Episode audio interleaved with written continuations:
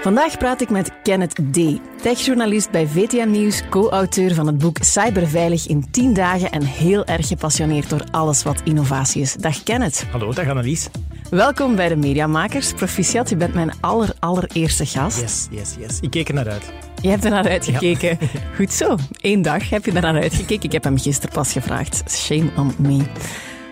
Nu, in deze podcast praat ik met mediamakers van binnen en buiten ons bedrijf over hun carrière in de media. Weet jij nog wanneer die van jou precies begonnen is? Ik weet dat nog exact, eigenlijk. Ehm, ik weet nog dat ik net afgestudeerd was en een mail had gestuurd naar, uh, om te solliciteren bij VTM Nieuws.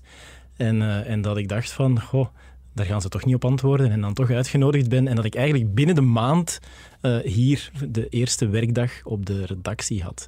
Um, en dat, dat was voor mij echt zo de stap van dan werk ik echt in de media. Zo, het, was, het was voor een groot mediabedrijf. Ik ging dan echt journalist worden. Dat zat er allemaal aan te komen. Dat was super spannend, die periode. Dus ik ben dat nooit vergeten, uiteraard. Ik herinner mij zelfs dat ik tijdens die sollicitatie te horen kreeg: Kenneth, uw actualiteit, dat is niet zo geweldig.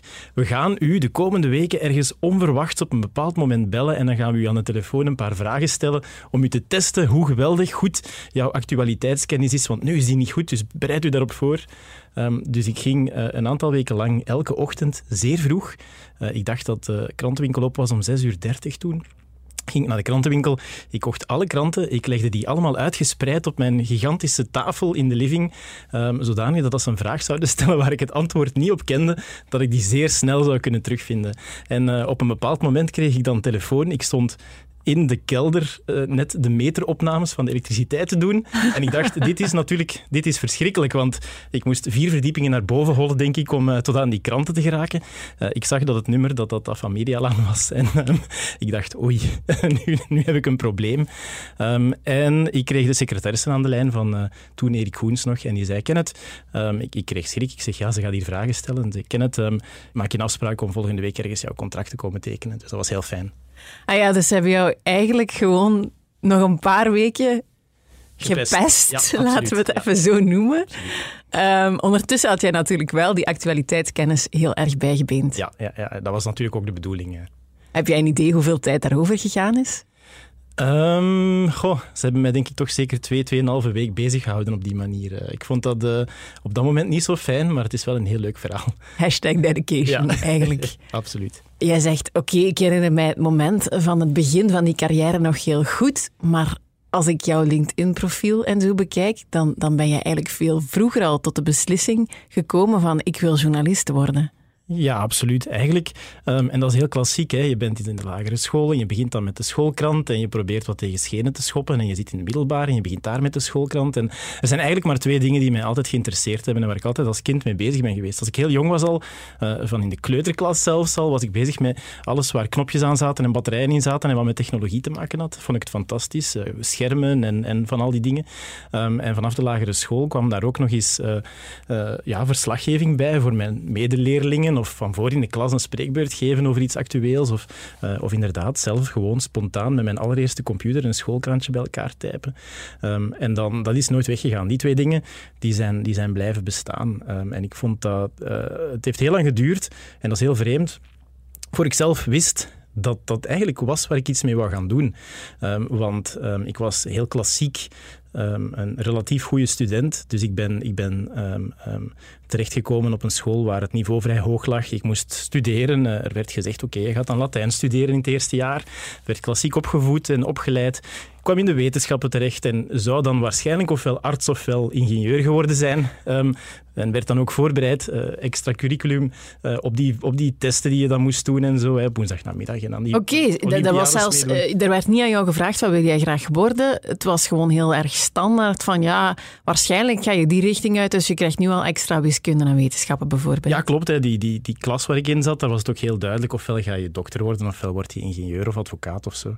Um, en, en daarom uh, had ik het gevoel van, goh, ik moet dat doen, hè, want mensen verwachten dat van mij, mijn leerkrachten verwachten dat van mij. En, uh, en ik herinner mij nog dat ik, uh, dat ik op zich ook niet zo geweldig goed was in wiskunde bijvoorbeeld. Maar ik ben wel, ik ben wel de richting van, van arts uit, uitgegaan. Um, los van het feit dat ik vooral heel veel plezier beleefde aan die buitenschoolse activiteiten, namelijk journalistiek en zo. Ik was daar eigenlijk al heel hard mee bezig, maar dat was een hobby. En ik dacht, ja, maar daar ga ik nooit mijn werk van kunnen maken. ik moet dokter worden. En uh, ik ben dus uh, die richting uitgegaan. En ik weet nog dat ik uh, na mijn eerste jaar was biomedische wetenschappen aan de universiteit, had ik nog eens um, uh, mijn leerkracht wiskunde tegengekomen in Mechelen, zo tijdens een trouwfeest. was heel grappig. En die man die vroeg aan mij, hoe gaat het met jou? En ik zeg, goh, ik heb eigenlijk beslist al na twee maanden dat ik dit niet wil doen. Hè. Ik, ik, ik, kreeg alleen maar wetenschappelijke uh, vakken op, uh, op de universiteit. Ik vond dat heel interessant, maar ik dacht, hmm, dit is het niet. Dat was de eerste keer dat ik dat spontaan zei, zo van eigenlijk, ik weet het niet, ik denk het niet, ik wil uh, journalistiek gaan studeren en ik denk, en in mijn hoofd was dat nog iets wat ik zo maar snel beslist had, van ik ga journalistiek studeren. Ik ga dat gewoon doen, dat is makkelijk. Dan heb ik al iets nieuws volgende keer in september, dan zijn mijn ouders content, laten ze mij gerust. Uh, en toen zei die man tegen mij, goh, eindelijk heb je beslist waarvan ik eigenlijk al dacht dat je dat zou willen doen. Mijn leerkracht wiskunde, die, die dat nooit gezegd heeft. Dus hij zegt dat dan. Uh, dat vond ik wel grappig. Het is wel jammer eigenlijk. Dus jij was je hele leven al bezig met knopjes en met verslaggever zijn en met nieuws. En niemand die eigenlijk had gezien van, Kenneth, dat is eigenlijk een journalist. Nee, eigenlijk niet. Nee, nee, nee. Ook, ook denk ook wel omdat heel veel mensen um, um, uh, dachten dat ik heel erg graag dokter wou worden. Wat ook zo was. Ik, mijn interessegebied is zo breed dat ik heel veel dingen heel interessant vind, maar de meeste dingen maar heel even. Um, en dat is een beetje het probleem. En dat is eigenlijk de perfecte definitie, denk ik, van een journalist. Iemand die in heel veel dingen geïnteresseerd is, die daar heel snel heel diep kan ingaan en die dan zegt, oké, ik weet het, het is genoeg geweest. Eens even terug naar, naar jouw hobby, hè? want jij zegt ik was daar wel mee bezig, maar hoe dan? Ik bedoel, kwam jij dan thuis en ging je dan op jouw kamer uh, journalistjes spelen of, of wat deed jij dan precies? Ja, letterlijk. Hè, met, mijn, met mijn zus, uh, met een eerste cassetterecorder radiootje spelen. Uh, daar is mee begonnen. Krantjes maken en ik maakte er dan een sport van om samen met mijn, mijn beste vriend trouwens toen, om, om een krantje te maken dat ongelooflijk veel kritiek gaf op alles wat er op school gebeurde. het ging zo ver dat we uiteindelijk zelfs niet meer mochten worden op het terrein van de school zelf, enkel aan de schoolpoort, want dat was openbaar terrein. We hadden dat dan ook helemaal uitgezocht. Uh, maar ik weet nog dat bijvoorbeeld de Lamotte-site in Mechelen, dat die werd afgebroken en mijn ouders hadden elkaar daar leren kennen in een uh, café. Uh, en ik was daar eigenlijk redelijk... Redelijk van aangedaan. En zij ook. En zei van, allee, ze gaan dat hier afbreken. Hè. Daar hebben we elkaar leren kennen. En dus in mijn familiegeschiedenis een belangrijk moment.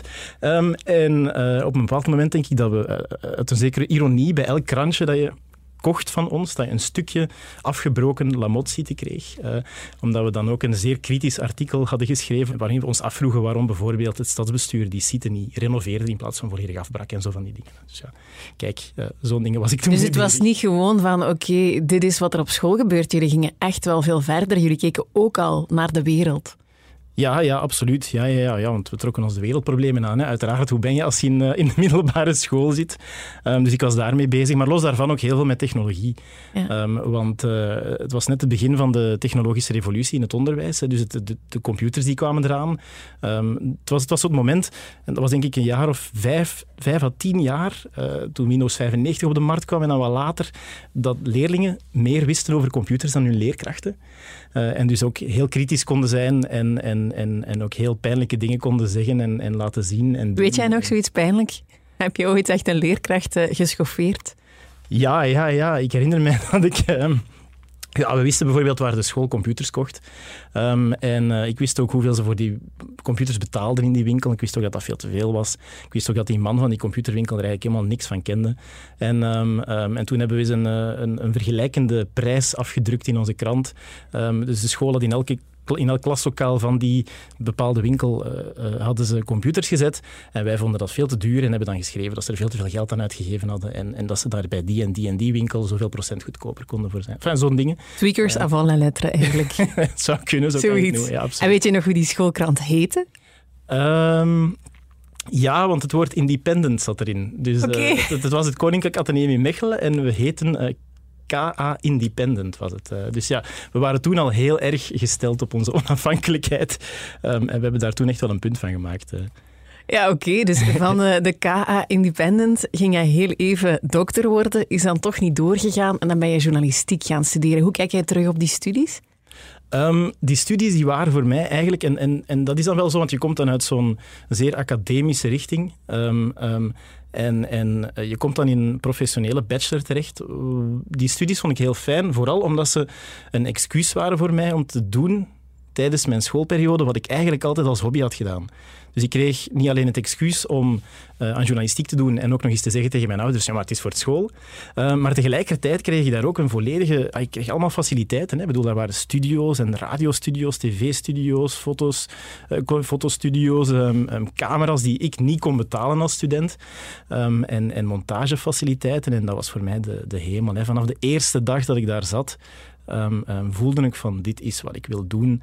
Um, en dan zie je natuurlijk, ja, heel veel mensen gaan journalistiek of uh, communicatie studeren. Um, niet om journalist te worden. En je voelt dat heel erg. Um, en dat vond ik wel wel lastig. Want jij was die strever die het wel echt heel graag wou. Ja, tuurlijk. Ja, absoluut. Ik zei de eerste dag, en ook dat was niet zo slim, hè, want ik was soms een beetje naïef.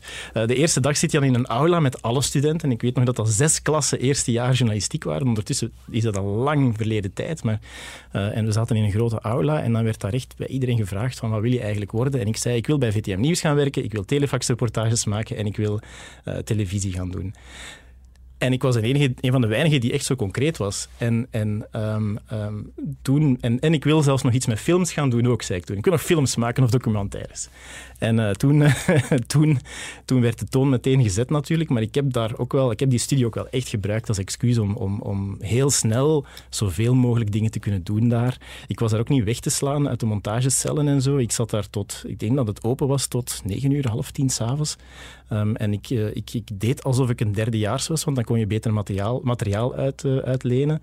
Um, ik fakte dat een klein beetje en ik wist ook na een tijdje welke cellen je moest, um, moest uitlenen om het beste materiaal te krijgen enzovoort. Ik probeerde te socializen met alle lectoren die in de hogere jaren les gaven om toch toch maar zoveel mogelijk... Slijm al eigenlijk. Ja, ja. Ik kan je voorstellen, er waren maar een aantal studenten die... Nee, nee, die waren wel een heel fijne klas. Gelukkig hadden we een hele fijne klas die daar wel mee om kon. Gelukkig, inderdaad. Want ik wou zeggen, had jij ook nog een sociaal leven als student dan? Uh, ja, god is te zeggen. Ik werkte ook als student trouwens, uh, journalistiek nog daarbuiten. Um, ik heb heel snel, uh, heel snel ook werk gevonden. Um, om, omdat ik op kot zat en ik moest dat ook zelf betalen. Dat was met mijn ouders overeengekomen. Ze konden dat in mijn plaats beta betalen, maar ik, ik wou dat helemaal niet. dus ik ben ook beginnen werken. Independent? En, ja, voilà, voilà. Altijd mijn zin willen doen. En um, ik, ja ik, ik, ik, mijn sociale leven, dat, dat was enerzijds was dat, dat werk en anderzijds waren dat dan wat medestudenten die daar ook mee aan werkten. Dus dat was Want wat deed jij als werk? Uh, want jij wel, ik had eerst een, eh, een, een nieuwsblogje, iets heel simpel. Oh, het was al meteen in de journalistiek, jij stond ja, niet ergens ja, ja, pinten te tappen of zo. Nee, nee zeg, hey, pinten tappen. en ik, ik, ik ben dan meteen begonnen aan, uh, aan een nieuwsblog, uh, want ik zag... ik ben, dat was ook rond de periode dat ik uit de kast ben gekomen, dus ik, ik dacht, ja, ik ga dan meteen daar iets mee doen. Dat is een niche. Ik begin journalistiek te bedrijven in de ongelooflijke niche van de holibies. En we hebben toen een paar keer het Nationaal Nieuws gehaald ook. Want ik herinner mij nog bijvoorbeeld dat in Leuven een studentenvereniging een fuif organiseerde. En uh, je kon daar dan gratis binnen en gratis drinken als je bloed had gegeven aan het Rode Kruis. Uh, en dan had ik daar naar gebeld en ik zeg, ja, dat is allemaal heel fijn, maar ik ben homoseksueel, ik mag geen bloed geven, dus ik mag eigenlijk in uw fuif niet binnen. Of wat. Enfin, dat soort van dingen. En dan is er een artikel over geschreven en zo gaan een reactie officieel gekomen. Dat is nog in, uh, in de krant gekomen. Dat soort van fijne dingen. Zo. Toch ook een beetje... Maar daar verdien je geld mee? Daar, dat werd voor een stukje gesponsord door adverteerders al vrij snel. Um, we zaten zelfs in de SIM-cijfers, denk ik. Uh, dat, dat werd redelijk goed bekeken en gelezen. Dat was echt online. Hè. En hoe heten jullie? Um, Gay Today was dat toen. Ja. Oké, okay, Gay Today. Ja. Mooie naam. Origineel ook. Ja, ja, ja. Um, maar wel inderdaad uh, toen waarschijnlijk nog vrij nieuw. Ja, en klein ook. Hè. We waren wel de eerste die... die um, en toen is het ook fout gelopen. Dat is misschien nog een fijn verhaal we, we, wilden iets doen met video. Ik was natuurlijk vooral met video bezig. En ik, ik wou um, heel graag de Gay Pride livestreamen.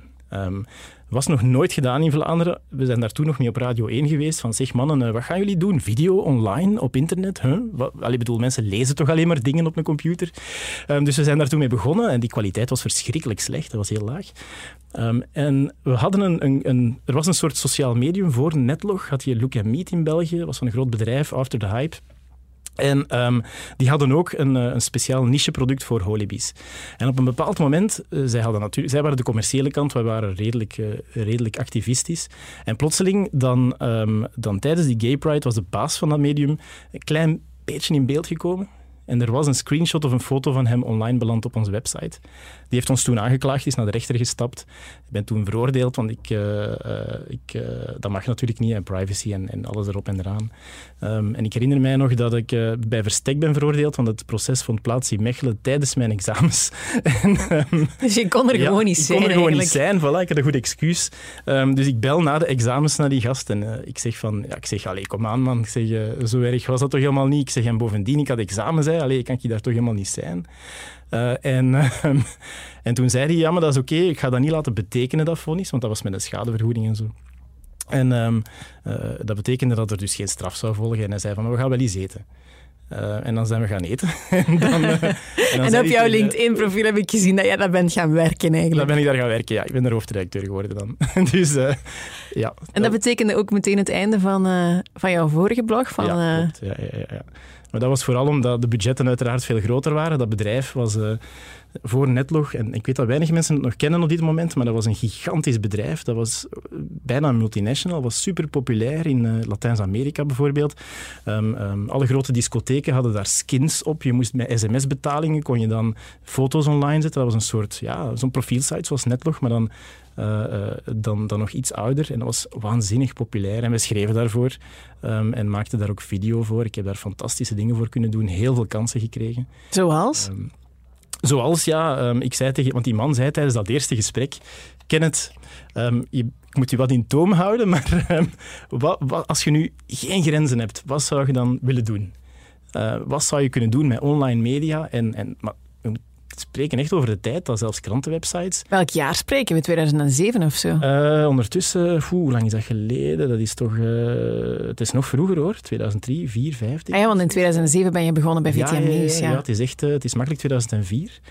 En, en die zei toen tegen mij van, kijk, um, wat heb je nodig? En ik zeg, die camera, die laptop, die montageapparatuur. ik heb zoveel mensen nodig. En die gast zegt tegen mij, ah, wel, dat is goed. dat is goed, doe maar. En uh, toen viel ik van mijn stoel. Maar dat waren wel, ik, ik kan zeggen, als student waren dat fantastische jaren. Hè. Echt geweldige dingen gedaan. Veel in het buitenland gezeten. We waren een van de eerste die echt online video maakten, maar echt op goede kwaliteit ook. Dat was heel, heel, heel tof. Um, Geweldige kansen gekregen daar. Dus. Ja, ja, ja, absoluut. En daarom hebben ze mij ook hier aangenomen uiteindelijk. Ja, want jouw droom bleef wel nog altijd... Ik wil iets gaan doen bij VTM Nieuws. Ik wil eigenlijk televisiejournalist worden. Ja, ja, ja, absoluut. Ja, ja, Want toen heeft hij... Want ik, ik heb altijd in online gezeten. Hè. Omdat je dan met technologie bezig bent, is dat natuurlijk je eerste interesse. En die man die zei op een bepaald tegen, eh, moment tegen mij, einde van mijn studies, nu kom je voor mij werken. En heeft dan gezegd, oké, okay, je verdient zoveel, dat is uw contract. Je mag hier vast beginnen, geen probleem. Um, um, ondertussen had hij ook al een aantal magazines. En ik, uh, ik zei toen...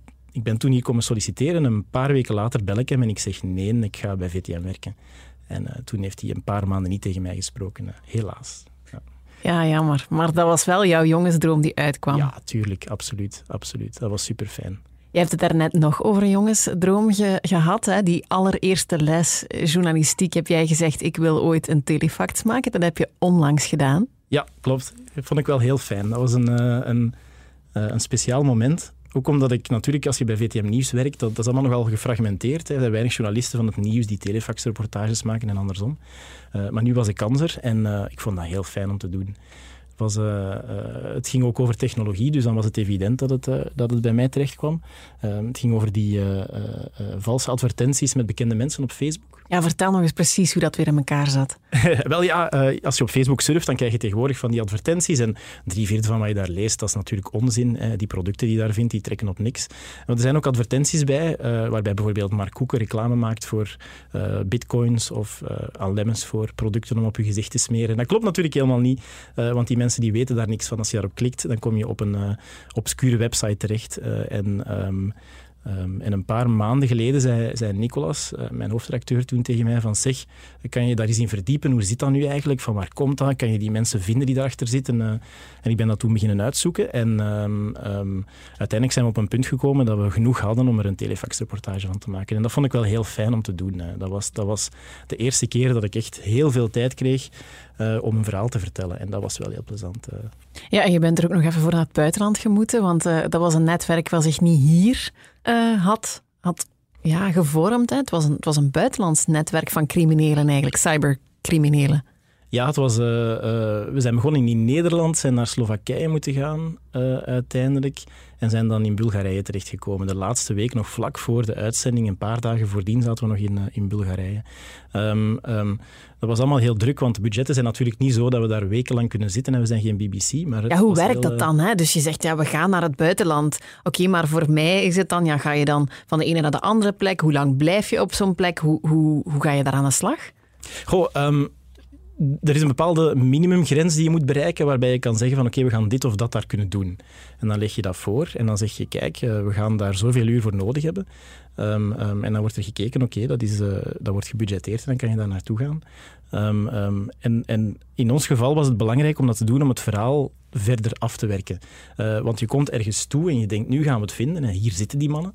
En um, um, blijkt dat dan toch niet het geval te zijn en zitten ze in een ander land en dan kom je terug en dan moet je hier vertellen tegen je baas van ja, ze zitten dus toch wel ergens anders en misschien moeten we dan in plaats van naar Nederland toch maar naar Slowakije gaan. Um, en dat, dat gebeurt dan ook. En dan, uh, dan ben je in Slowakije en dan merk je ja, eigenlijk zitten ze niet hier, maar in Bulgarije en dan moet je terugkomen en terug argumenteren. Uh, maar het moet natuurlijk wel in functie zijn van het verhaal en uh, het maakte het ook alleen maar sterker. het vertelde ook veel over hoe dat allemaal in elkaar zat. Dus, dan... Je komt dan toe in Bulgarije beschrijf eens eventjes voor de mensen die het niet gezien hebben. Hoe was dat dan? Want je, je hebt wel te maken met criminelen. Ja, ja, en dan merk je wel heel snel. Um, um, um, ze, ze proberen jou eerst te negeren, want dan denken ze je bent niet gevaarlijk genoeg. Oh god, een journalist uit België. en als ze dan voelen dat je toch doorzet, dan beginnen ze jou wat te helpen en wat informatie te geven via verschillende kanalen. En dan krijg je het gevoel van oké, uh, ze willen mij in een bepaalde richting duwen, maar dat is niet de juiste. en dan beginnen ze inderdaad wel uh, kwaad te worden. Hè. Dan sta je daar plotseling voor de deur van een advocaat die, uh, die daarbij betrokken is, of je staat daar, je komt daar dan binnen, dat is dan met een verborgen camera. die mensen die, die weten wel wie je bent ondertussen, want je, je, je mailt daar uiteraard op voorhand mee en dan, ja, je vraagt gewoon, wil je daar iets over vertellen? Hè? Daar begint het mee. Willen ze dat dan niet doen, ja, dan sta je plots voor hun deur en dan schrikken ze daarvan en dan overval je ze een beetje. Stond je um, daar alleen? Um, ik was alleen binnen vooral altijd. Um, en uh, ik was daar niet alleen. Ik had een ploeg bij. De eerste reis hadden we nog, uh, hadden we nog een cameraploeg mee en een regisseur. De tweede reis was, was alleen met een, met een regisseur. Um, en dan waren we met z'n tweetjes, dus een kleine camera-regisseur. En dan, dan, dan hebben we dat gewoon gedaan, verborgen camera. Het was de eerste keer dat ik zo'n verborgen camera op mijn lijf had. Dat was heel raar. Ik was helemaal niet gewend. Ja, wat doet dat met jou? Hoe voel je je dan? dan? Dan heb je toch het idee van, ja, ik weet er iets over mezelf en de andere mensen niet. En zien ze het, zien ze het? Of... Ja, ja, absoluut. En vooral, ik ben nog wel een klein mager manneke, waardoor zo'n verborgen camera nogal makkelijk opvalt. Dus uh, zelfs al heb je uh, je goed geprepareerd en je plakt dan ook vol draden en kabeltjes en tape en, en Um, dat is ook allemaal in een taal die je niet begrijpt, want mijn Bulgaars is onbestaand en het Engels van de doorsnee Bulgaar is ook niet zo fantastisch. Dus, um, dus dat zorgt dan voor hilarische momenten met Google Translate en zo, uh, waarbij je die smartphone dan zo ver mogelijk van je hemd moet weghouden, want anders kijken ze recht in de lens en dan zouden ze misschien wel eens kunnen zien dat je camera... Dus je bent dan duizend dingen tegelijk aan het denken. Uh, maar dat is wel van, je krijgt daar wel een kick van, hè. Dat is wel fijn, toch? Allee, je weet dat die mensen die voor jou staan, dat die iets te vertellen hebben en iets weten vooral. Je voelt je wat dat betreft echt wel een journalist die probeert iets te weten te komen. En dat is wel tof. Um, maar dat heb ik ook voor het eerst urenlang in een appartementsgebouw gekampeerd, uh, omdat ik wist dat achter de deur iemand zat die niet naar buiten wou komen. En ja, ik wist die gaat ooit wel eens naar buiten moeten komen, dus ik heb me daar dan gewoon voor de deur gezet. Uh, dat soort van dingen, dat zou niet altijd gaan in Vlaanderen, maar in ging dat dus blijkbaar wel. Um, vooral omdat die mensen zelf ook schrik hadden om de politie te bellen, omdat ze uiteraard betrokken zijn bij dingen die niet, uh, die niet kunnen. Hoe kijk je terug op die telefact? Was je, was je content? Was je tevreden? Ik ben nooit tevreden. Oké. Okay. Nooit. um, ik was wel tevreden in de zin van, uh, we hebben het het maximum uitgehaald. Um, maar ik ben nooit tevreden in die zin van, ja, we hebben uiteindelijk geen, geen man of vrouw voor de camera gehad die zei, ja, ik ben het, sorry, ik ben er miljonair mee geworden. Dat ga je ook nooit vinden, volgens mij. We, zijn, uh, we hebben daar ook niet de tijd voor. We hebben er nu al heel lang aan gewerkt. Um, je hoopt dat dan altijd wel een klein beetje, maar ik was ik was zeer tevreden, maar tegelijkertijd dacht ik van het kan altijd nog beter. Tuurlijk wel. Kunnen mensen dit nog terugkijken, die Telefact-uitzending? Uh, ja, staat op VTM Go. Ja, absoluut. Die kan je nog herbekijken uh, online. Voilà, zeker doen als je wil weten wat er precies allemaal gaande was toen. Sinds jij in 2007 bij VTM Nieuws gestart bent, is er eigenlijk veel veranderd op nieuwsredacties. Hè? Onder andere door die toenemende digitalisering. Welke verschillen met, met toen zie jij precies? Goh, die zijn immens. Hè. Ik weet nog ehm, ehm, dat uh, online toen een bijzaak was, bijvoorbeeld. Het was ook nog net voor de iPhone, denk ik. Hè? Ja, het was vlak voor de iPhone, absoluut. Uh, ik weet nog, ja, dat moment heb ik inderdaad nog op de redactie beleefd. Hè. De voorstelling van de eerste iPhone, stel je voor. Um, ja, dus, uh, dus de wereld zag er helemaal anders uit. Ik weet nog, uh, ik was aangenomen niet meteen om journalist te worden. Dat zou wel heel veel, uh, heel veel eer zijn voor mij. Ik werd aangenomen om research te doen. En ik mocht ook de helft van de tijd het gsm-nieuws maken, zoals dat heet. en dat was een nieuwsuitzending die wij speciaal bij elkaar knipten en plakten voor, voor Proximus en voor um, de PlayStation Portable. Uh, dus een mini-nieuwsuitzending die je alleen op zo'n digitale devices kon En dat, daar werd eigenlijk door niemand naar gekeken. Maar um, dat was wel zo... Maar dat waren nog geen smartphones, of wel? Mm, dat waren de allereerste zeer slechte smartphones. Maar nog niet diegene die we kennen, zoals Wat type Blackberry dan? Of wat was ja, dat dan eigenlijk? Ja, ja, ja, ja. En, en Sony Ericsson toestellen met een kleurenschermpje en een besturingssysteem waar je de helft van de tijd niet aan uit kon. Uh, zo van die dingen. Hè. En dat werd, daarom keek ook niemand daarnaar. Dus was, maar uh... jij maakte daar wel nieuws voor. En hoe, hoe zag dat er dan uit? Goh, dat was een, een, een beknopte samenvatting van, van headlines. Dus je, je had een nieuwsuitzending, die we, de gewone nieuwsuitzending. En daar knipten wij dan uh, 20 of 30 seconden knipten wij daar dan telkens uit uh, per item. En die plakten we achter uh, naar elkaar. En dan moesten daar bumpertjes tussen. En dat, dat was het eigenlijk. En dat was een uitzending van anderhalve minuut, denk ik, ongeveer. Uh, het meest innovatieve wat we daar konden aan toevoegen, dat waren wipejes, uh, om het wat moderner te maken. Maar voor de rest was dat heel klassiek. En wipejes bedoel je mee het effectje dat het zo het scherm op, van het ene kant naar de andere kant gaat. Ja. nu ja, jij, jij doet er heel, um, moet ik het zeggen, licht over. Maar anderzijds is dat Instagram Stories voor het ooit bestond bijna. Hè? Ja. M&M heeft ook op een bepaald moment uh, ninja nieuws gemaakt op Instagram het is eigenlijk bijna dat. Het lijkt er een beetje op, ja, dat is waar. Um, en dat was de tijd waarin uh, VTM Nieuws en dan zeker ook de, de toenmalige bazen ongelooflijk graag experimenteerden met zo'n dingen. En dat was wel heel fijn. Zo, uh, uh, maar ik heb dat ook maar een maand gedaan en dan ben ik naar het jeugdnieuws gegaan. Dus dat was... Ja. Het jeugd. Ja, maar we waren nog bij die verandering. Ja, hè? ja, Want ja. ja. dus jij bent toegekomen op die redactie voor er zoiets bestond als een iPhone. Het internet was er net wel al een aantal jaar. Um, maar wat heb jij nog zien veranderen? Je zegt, ik ben begonnen als researcher. Um, dat speciale nieuws voor die gsm gemaakt. Maar zijn er dan nog dingen, als je nu terugkijkt, dat je denkt van dat wij dit toen zo deden, uh, gebeurt nu echt niet meer? Ja, wij werkten toen nog met tapes, hè. Dus wij maakten nog nieuws met tapes. Um, en ik vond dat toen al heel absurd, want op de hogeschool uh, werkten wij met kleine tapejes, maar die werden, dat was digitaal al. Die werden dan ingeladen uh, op computers en dan werd alles ook digitaal gemonteerd. Hier werd nog gemonteerd op tapes. Um, dus je bracht zo'n tape mee, je kreeg die uit de camera en dan bracht je die mee en dan stak je die in zo'n machine en dan uh, werd dat daarop uh, werd dat dan gemonteerd en moest, er moest je zeggen van oké, ik wil dit beeld van seconde zoveel naar seconde zoveel en dan werd dan op een tweede tape opgenomen en dan, um, ja, ik heb dat nog meegemaakt. Hè. Ik, heb, ik heb nog meegemaakt dat het nieuws dat hier op antenne ging om één uur, dat daar een gigantische tape robot stond. En dat je daar een soort jukebox eigenlijk, waar dan de cassettes met de reportages in zaten. Um, en die werden dan smiddags in een soort uh, plastic bak gegooid, met dan de juiste labels erop. En dan gingen die naar de regie en dan werden die juist in die tape-robot gestoken. Um, en als je dan te laat was met je reportage, dan moest je heel snel lopen naar de regie om die nog op tijd in dat ding te rammen. Um, want anders dan kon die gewoon niet op antenne gaan. Je kon dat niet doorsturen, digitaal of zo. Dat gebeurde nog allemaal met tapes. Het gebeurde zelfs dat voor het nieuws nog uh, kwaad geroepen werd door iemand van productie. Wie is er met de tape van reportage? Mm -hmm, weg. Um, dat gebeurde. Um, het gebeurde ook dat, uh, en dat was dan uh, vooral collega Bo van Spielbeek, te laat was met een reportage en dat hij nog ontzettend snel moest lopen om die reportage op tijd in de regie te krijgen. En je zag ook altijd dezelfde mensen lopen om die daar te krijgen. Oké. Maar dus van tapes naar nu digitaal monteren, dat is één ding. Maar jullie ploegen zijn denk ik ook een heel pak kleiner geworden. Ja, dat klopt. Hè. Toen hadden wij nog, nu voor het jeugdnieuws, hadden we relatief, waren we eigenlijk een soort uh, kweekvijver, experimenteel project waarin alles wel wat sneller ging. Dus wij, hebben, wij zijn heel snel overgeschakeld op digitaal monteren. Uh, maar we hadden nog een ploeg met een cameraman, een klankman, grote camera. Maar wij zijn ook vrij snel zelf beginnen, vrij snel zelf beginnen draaien.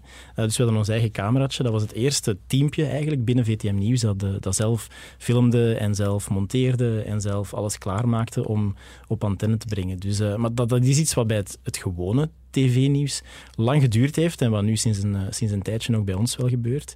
Ehm, dus die evolutie, ja, die zie je heel snel gaan nu. Hè. Dat is, je kan ook het gebeurt. En, en ik, ik weet nog dat, de, dat ik een van de eerste mensen was hier die spontaan met een smartphone beelden begon te maken. En die gebruikte in een reportage zonder te zeggen dat het beelden van een smartphone waren. Omdat ik het juist fijn vond om te kijken of iemand het eh, het zag. Uh, dat waren wel heel goede smartphones al. Ik heb dan het geluk dat er meestal heel goede zijn.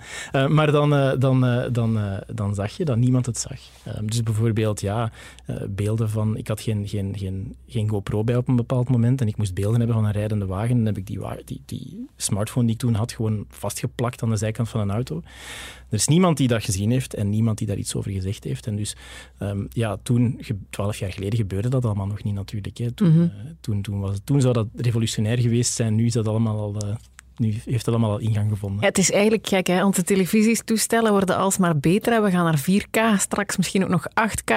Um, maar we gaan wel beelden met ja. onze iPhone maken en die mogen dan ook in het nieuws.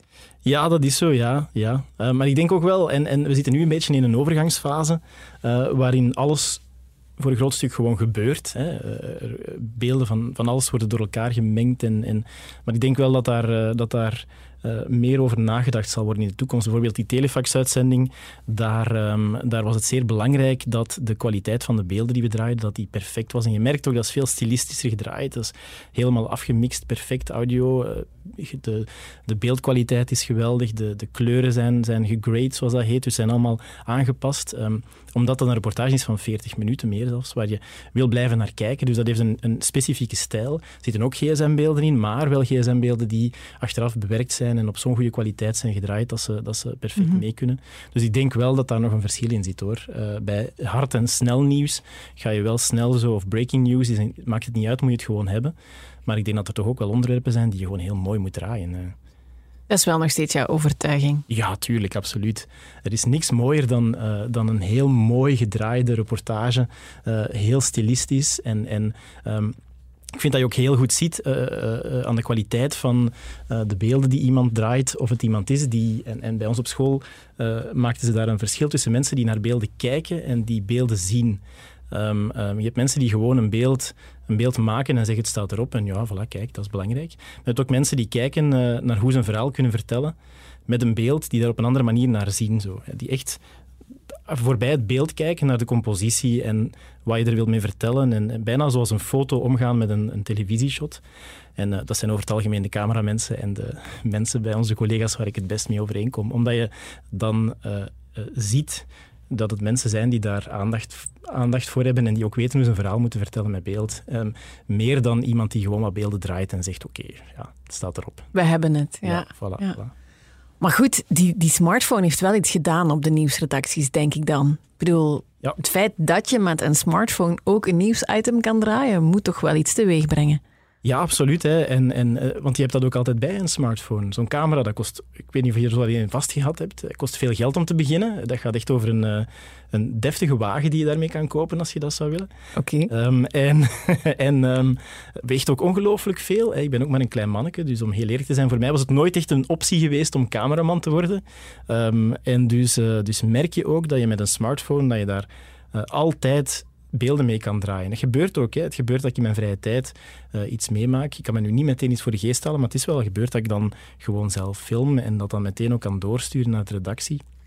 Maar ik wil ook wel, en dat is wel belangrijk, zelfs dan nog wil ik een smartphone die fantastische beelden kan maken en die echt geweldige dingen kan filmen en die uh, heel mooie beelden maakt, omdat ik dat toch nog altijd belangrijk vind. Maar goed, als, techno, als techjournalist krijg jij die allemaal gratis, denken wij. dat lijkt zo, hè? Dat um, lijkt zo, maar misschien even, moet je eens toelichten of dat ook ja, echt zo is. Dat, is. dat is een veelgestelde vraag eigenlijk. uh, um, wel, wat er meestal gebeurt is dat... Uh, en en, en ik, ik review niet, hè, dus ik, op televisienieuws brengen wij geen reviews uiteraard. Maar um, wat wel gebeurt is dat een, een fabrikant zegt van oké, okay, hier is een, een smartphone, uh, je mag die een paar weken testen en dan, dan gebruik je die en dan stuur je die terug. Wat ook wel gebeurt, want ze hebben allemaal een, een aparte policy. Het gebeurt dat een, uh, een, fabrikant zegt van ja, maar ja, wij mogen eigenlijk geen toestel wat jij gebruikt hebt terug in omloop brengen of we mogen dat niet geven aan een uh, andere journalist, want daar staan mogelijk nog gegevens van jou op. En dat is ook echt zo trouwens. Um, en dan, uh, dan, dan vergeten ze die wel eens bij jou. Maar meestal geef je die gewoon terug. Maar het is wel fijn om altijd eens met de nieuwste toestellen te kunnen werken, want dan zie je ook gewoon wat de mogelijkheden zijn. Hè. Daarom doe ik dat. Ik ga er ook niet altijd op in, want weet je hoe moeilijk het is om altijd al je contactpersonen over te zetten. Ja, om, ik eh, was mij aan het afvragen, ja. van, vind het al hels om om de zoveel jaren te veranderen van smartphone. Stel je voor dat je om de twee, drie weken Dat is verschrikkelijk. Dat is echt verschrikkelijk. Dat is een van de redenen om dat zeker niet te doen, eigenlijk. Omdat je dan heel de tijd alles moet gaan overzetten en zo. En nee, nee, nee. Maar die camera's uittesten, dat zou ik wel leuk vinden, denk ik. Dat is Nu, eh, jij was net bezig, als ik in mijn vrije tijd thuis al eens iets film. Voor de campus geef jij de training jezelf als expert in beeld brengen. Hè? We hebben dat aan jou gevraagd omdat jij je ook op sociale media heel erg neerzet als Kenneth, de techjournalist. Hoe ben je daar eigenlijk ooit mee gestart? Goh, ehm, ik heb dat altijd... Dat is begonnen om mijn netwerk een beetje te vergroten. Je zit hier, eh, je zit hier in Vilvoorde en, en die bedrijven die zitten over de hele wereld. Ehm, en die, die specialisten en die professoren en die zitten over de hele wereld. Dus dan is het sowieso al veel beter om op sociale media te starten, om die mensen te volgen en erop te reageren. En je ziet dan ook voorbeelden van mensen die dat goed doen. Ehm, die zichzelf profileren op sociale media op een, op een zeer fijne eh, manier, waarbij je bijna het gevoel hebt dat je ze kent. Ehm, en dat je ze ook een zekere expertise toedicht. En, en dat is eigenlijk, eh, dat is op zich wel inspirerend geweest. En ik ben dat toen heel stilaan beginnen doen. Eh, en dat is een wisselwerking geweest, hè, want ik, ik was eerst algemeen journalist, of vooral economisch journalist. En dan, ehm, ehm, dan ben ik mezelf ook wat meer in de markt gaan zetten op social media als, zijn, als, als iemand die met technologie bezig is. Ehm, en dan vooral ook thuis, hè, want ja, ik bedoel, mijn werk stopt niet bij de, eh, zoals bij alle journalisten eigenlijk. Hè, stopt niet wanneer ik hier buiten ga. En ik ben thuis heel erg bezig met automatiseren en programmeren en zo. Ik heb dat ook altijd gedaan. En door dat dan ook op sociale media te plaatsen en door te laten zien, ook aan vrienden van vroeger, ik ben daarmee bezig. Ehm, ehm, en daar komt daar reactie op en mensen zeggen, oh, maar dat is zo fijn. En dan hier voor te stellen, moet ik daar geen, geen item over maken of kunnen we daar eens niks mee doen? En dat heeft elkaar heel de tijd versterkt. Dus dat is wel een voordeel geweest. Maar om nu te zeggen dat is daar begonnen, dat is heel moeilijk. Hè. En hoe belangrijk vind jij het dat journalisten dat de dag van vandaag doen, zichzelf profileren op die sociale media? Dat is ontzettend belangrijk, denk ik, maar je hebt daar wel een keuze. Ehm, het hangt er een beetje vanaf welk, welk type journalist je wil zijn. Hè. Dat is helemaal geen schande. Eh, maar als je zelf het gevoel hebt dat je eh, je wil specialiseren in iets wel bepaald, ehm, dan is dat wel nodig ehm, dat je dat doet. En dan kan je eigenlijk niet anders. Omdat je op die manier niet alleen je collega-journalisten leert kennen, van andere media. En daar is echt wel contact op die sociale media, dat is heel fijn. Ehm, maar ook, eh, ook een beetje kan laten zien wat jouw expertise is, los van de dingen die je maakt voor je medium. Ehm, en, en ja, ehm, eh, op die manier kom je, kom, je, eh, kom je ook in de soort inner circle terecht van mensen die daarmee bezig zijn. Dus ik denk dat je dat echt wel moet doen. En, en dat vind ik ook belangrijk, naar je publiek toe sta je dan ook open voor kritiek. Eh, dat is zo fijn dat je kan zeggen van je kan mij hier vinden, of het nu op Facebook of op Instagram is. Ehm, ik ben met technologie bezig. Als je vindt dat ik iets verkeerd heb gezegd, stuur het naar mij. Stuur het niet naar de helpdesk van VTM of zet het niet in de krant of maak geen opiniestuk. Enfin, mag allemaal, hè. maar stuur het naar mij en, en geef mij feedback en, en sta daarvoor open. En dus dat vind ik dan ook weer heel fijn. eh.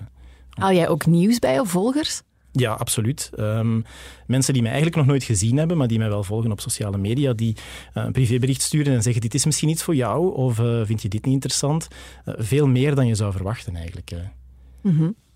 Nu, ondertussen maakt VTM Nieuws ook deel uit van Nieuws City, hè, de eengemaakte redactie waar ook de krant Het Laatste Nieuws, HLN.be en de Showbiz-redactie achter magazines als Nina, Dag Allemaal, Story en Goed Gevoel in zit. Alle merken gaan blijven bestaan, hè, maar jullie werken nu wel veel nauwer samen. Wat betekent Nieuws City concreet voor jou? Goh, ehm, ik, ik vermoed dat dat nog moet sublimeren. Eh, We zullen zien wat dat betekent. Ehm, in elk geval, in mijn hoofd, is het heel fijn omdat we eh, op die manier de kans krijgen om met al die media samen een klein beetje een beleid te, te ontwikkelen. Bijvoorbeeld over tech, want tech is sowieso een niche.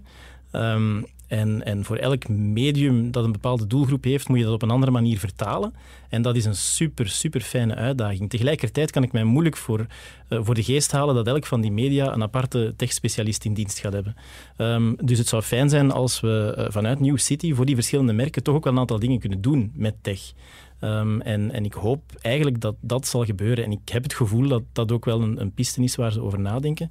ehm, voor verschillende, verschillende specialisaties. Ehm, en dat is wel fijn. Ik denk wel dat daar mogelijkheden zijn. Ik denk trouwens per definitie dat het hele New City-verhaal dat dat ongelooflijk veel mogelijkheden biedt om, uh, om in Vlaanderen heel fijne journalistiek te brengen.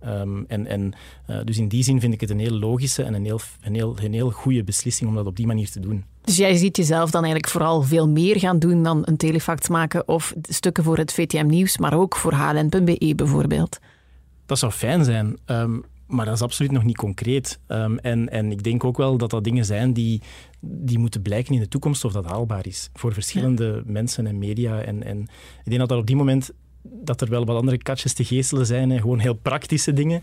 Ja, want uh, voor de luisteraar, hè, jullie zitten nu nog met VTM Nieuws in Vilvoorde. Al de rest is al verhuisd naar het hoofdgebouw in Antwerpen. Jullie gaan er in februari uh, pas naartoe. Uh, het is toch wel spannend, denk ik. Zo'n hele nieuwsstudio verhuizen. Ja, dat is ontzettend spannend. Hè? Ik ben stiekem, want ik woon in Antwerpen en ik heb al een badge van het gebouw en ik ben eigenlijk al veel te veel naar daar gegaan om te kijken. Ik denk uh, uh, dat ik dat gewoon te leuk vind als ik in de stad ben dan uh, in Antwerpen. Dan, dan passeer ik daar toch wel eens zo om gaan te kijken. Hè? Niet alleen naar de nieuwsstudio, maar ook naar de andere verdiepingen. Um, en ook mijn collega's, want ik ken collega's bij alle, alle, alle magazines en kranten, om eens gaan te horen van wat vinden jullie hier nu eigenlijk van en vinden jullie het hier fijn werken en uh, gewoon omdat ik super benieuwd ben om, om naar daar te gaan. Tegelijkertijd um, uh, heb je het gevoel dat daar een beetje het zwaartepunt van de vernieuwing ligt op dit moment en van de vooruitgang en van de uh, evolutie die ongetwijfeld aan het gebeuren is in onze sector. Uh, anderzijds zitten we nu nog in Vilvoorde. Um, en en uh, ik denk dat het ook geen geheim is dat we nu een heel pijnlijke periode doormaken, helaas. Met heel veel fijne collega's die in onzekerheid zitten. Ik denk iedereen nog die hier werkt. Um, en dat is een beetje op dit moment een, een, contrast. Dus ik zou heel blij willen zijn voor wat er in Antwerpen gebeurt. En tegelijkertijd voel je toch een, een zekere pijn, omdat je hier twaalf jaar lang met een ongelooflijk fijne familie hebt samengewerkt die uh, heel fijne dingen gedaan heeft. Dus daar zit je wel een beetje met een tweestrijd soms. Uh. Maar eigenlijk voor jou als technologiejournalist kan het niet snel genoeg gaan waarschijnlijk. Um, ja, omdat het, het is logisch. Het is gewoon logisch. Als je ziet, en, en, en uh, we zijn daar in Vlaanderen lang beschermd geweest tegen, tegen wat er gebeurde uh, in onze sector, omdat we een heel kleine markt zijn, zeer afgeschermd ook, een taalgroep die redelijk klein is. Maar als je gaat kijken naar de Verenigde Staten bijvoorbeeld, dan zie je dat daar heel veel media gewoon heel crossmediaal werken. Um, dat heel veel merken uh, crossposten, dus uh, hetzelfde artikel op een andere manier gebracht, maar wel dezelfde content uh, voor een andere doelgroep vertalen.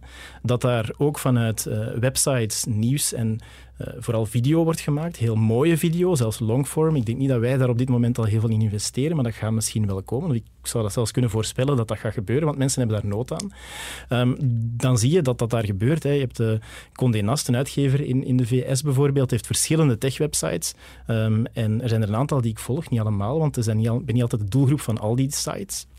Maar je ziet dat ze daar content uitwisselen en dat het op een heel interessante, intelligente manier gebeurt. Um, dat die merken in elkaar overvloeien, maar tegelijkertijd wel hun eigenheid behouden. En ik denk dat dat de enige manier is om, uh, om mensen te blijven bereiken op grote schaal. Ze zoeken soms naar hun eigen houvast online naar een niche of naar een bepaald product waar ze achter staan, maar tegelijkertijd uh, is het bijna onbetaalbaar om dat te doen. Hè. Je kan met een site waar maar duizend mensen naartoe komen, dat, dat kan je gewoon niet, daar kan je geen businessmodel van maken. Uh, maar als die site aan een groot schip hangt, waar, uh, het hoeft zelfs geen site te zijn, maar als dat merk aan een, een groot schip hangt waar de content vandaan komt, dan is dat allemaal veel haalbaarder. Mm -hmm. Interessant voor jou dus. Nu, Kevin, uh, Kenneth, ik heb heel de dag gedacht, ik ga Kevin zeggen.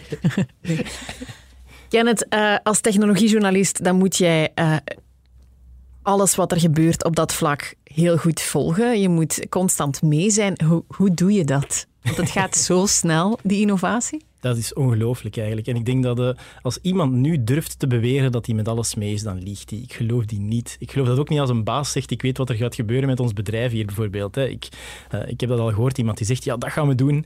En ik heb toen, en ik heb er geen probleem mee om dat te zeggen tegen mijn uh, zeer sympathieke bazen. Ik zeg dan van, ik geloof je helemaal niet, dat kan niet. Niemand weet wat er gaat gebeuren over tien jaar. Um, dus ook technologie is ongelooflijk moeilijk om te blijven volgen. Um, heb jij trucken? Ja, ja, het is te zeggen. Um, ik, uh, ik doe de dingen gewoon zelf. Ik kijk naar mezelf. En ik, uh, er zijn een aantal. Er zijn een aantal je moet je focus leggen op de dingen die, die belangrijk zijn, interessant zijn. Um, um, je kan, over technologie kan je, kan je nooit alles gelezen krijgen en je kan nooit alles bekeken hebben. Maar ik redeneer vaak dat technologie het leven van mensen makkelijker moet maken. En dat dan de kans het grootst is dat hij het haalt en dat het dan ook mijn aandacht waard is. Ehm, als je ehm, een domotica-systeem... Ik ga een voorbeeld geven. Als je een domotica-systeem hebt en uh, je kan je lichten aandoen met je smartphone, dan denk ik, ja, dat is allemaal plezant, maar niemand gaat dat doen. Want wie gaat er nu in godsnaam zijn smartphone uit zijn zak halen, zijn uh, gsm unlocken, zijn app open doen van zijn lichten en dan het licht aandoen? Niemand. Dus je weet, je weet, dat is heel fijn dat dat kan, maar dat gaat niet niet groots worden. Dus het is heel fijn om te weten hoe dat werkt en om dat dan te volgen. Hoe zit die sector in elkaar? Uh, maar vanaf het moment dat er dan smart speakers op, uh, op de markt komen, dan weet je, je moet gewoon zeggen tegen een speaker, zeg, doe het licht eens aan. Uh, zo makkelijk is het nog niet, maar dat gaat het wel worden. en dan weet je van, oké, daar zit toekomst in. En dan kan je daar wel je focus op leggen en dan kan je daarvoor gaan. En tegelijkertijd gewoon heel veel mensen kennen binnen de sector die zelf binnen hun eigen niches werken en die af en toe uit hun specialiteit zeggen van, oké, maar dit moet je wel geweten hebben. Dit is wel belangrijk. Bijvoorbeeld cyber cyberveiligheid moet ik volgen, maar ook voor een stuk games en ook voor een stuk... Dat is allemaal heel veel. Uh, maar tegelijkertijd ken ik ook heel veel mensen die uh, werken bijvoorbeeld als cyberveiligheidsspecialist en die dan heel af en toe een bericht sturen van zeg maar, dit mag je niet missen. Heb je dit gezien? En daar, daar, daar heb je ook wel veel aan. Dus echt je netwerk en ja. dan heb je voor jezelf een bepaalde focus gekozen van oké, okay, het moet het leven van mensen makkelijker maken. Klopt. Maar heb je dan ook zo Twitterlijstjes en nieuwsbrieven waarop je geabonneerd bent? Of hoe doe je dat dan concreet? Um, ik, heb ik, ik, heb geen aparte Twitterlijstjes. Um, ik probeer gewoon heel selectief te zijn in de mensen die ik volg op Twitter. En die echt binnen mijn niche te kiezen. Um, en, en ook heel veel mensen waar ik het niet mee eens ben, want daar leer ik het meest uit. En die, die signaleren mij meestal ook dingen die buiten mijn, uh, uh, buiten mijn visie vallen. Dus uh, mensen waarvan ik denk van, zeg ik, ik, wat, schrijven die nu? Of waar zijn dat, vind ik soms het interessantst. Eh, dus dat doe ik. Um, nieuwsbrieven, een enkele nieuwsbrief. Maar voor de rest werk ik toch vooral graag met, met mensen. Um, uh, mensen die je kent, mijn netwerk dat je kent. Uh, mensen rond mij, ook vrienden van mij, die heel erg in technologie geïnteresseerd zijn en die mij dingen signaleren. En zelf lees ik natuurlijk wel de, de usual suspects, maar ook heel veel niche-websites. Maar er zijn wel grenzen natuurlijk, hè, want je kan, je kan niet alles lezen. Um, en voor de rest, ja, het is natuurlijk ook wel gemakkelijk dat mijn hele leven rond technologie draait, los van het werk. Um, tot grote frustratie van mijn uh, naasten meestal. Maar uh, het is gewoon mijn leven en dat maakt het ook gewoon veel makkelijker. En het voelt ook niet als werken natuurlijk. Het voelt niet als werken. Um, heb jij ooit uh, een blunder gemaakt? Heb jij ooit al eens echt gefaald als journalist? Dat je denkt van, het was echt heel erg, maar ik heb het ooit wel echt gedaan? Goh, uh, ik denk dat iedereen dat meemaakt en veel meer dan je, dan je zou willen. Hè. Ik, ik heb heel vaak het gevoel dat het beter kon hoor. Maar als het echt gaat over, over falen, ik, uh, toen ik die telefax-uitzending gemaakt heb, dan, uh, um, dan heb ik echt drie, vier weken non-stop gewerkt. Dag en nacht soms. twee, drie buitenlandtripjes ook nog. Echt waanzinnige uren. En ik vond dat, dat puur omdat ik dat wou doen. Hè. Dus er is niemand die mij verplicht heeft om dat te doen, maar je wil dat zo goed mogelijk maken.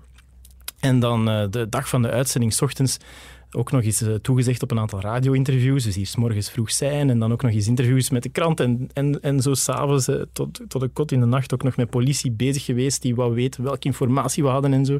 Veel te veel tegelijk. Veel te weinig geslapen. En dan komt het moment dat je dat moet uitzenden en dan zetten ze jou in de studio van de nieuwsuitzending. En dan, um, dan heb ik echt een blackout gehad. Dus ik was zo moe maar ik was zo uitgeput en ik zat eigenlijk op het moment dat ik dus mijn reportage was uitgezonden en uh, de enker vraagt van, ja, stel een aantal vragen. Had je schrik? Uh, wat heb je daar allemaal gedaan? Waarover gaat het? En op een bepaald moment was ik echt bijna in slaap gevallen in de studio. Ik was zo moe.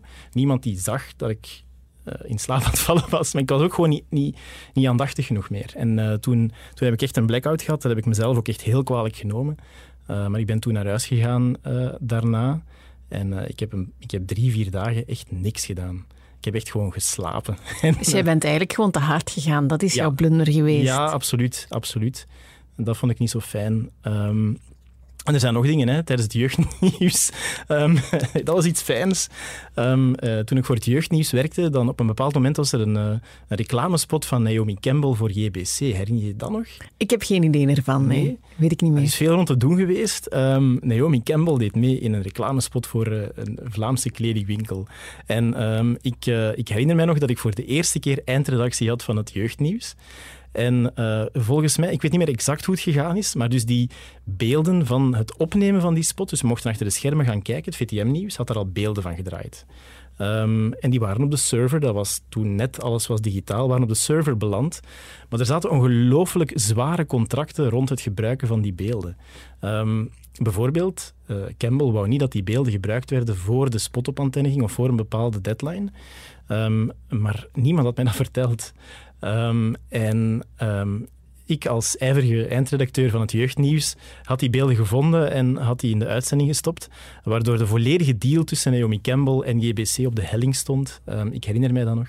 Zeer pijnlijk. Um, is ondertussen lang genoeg geleden om dat te kunnen vertellen zonder dat ik er schrik van krijg, maar dat was echt niet zo fijn. En toen heb ik mij doodgeschaamd. Dat was echt, echt niet fijn.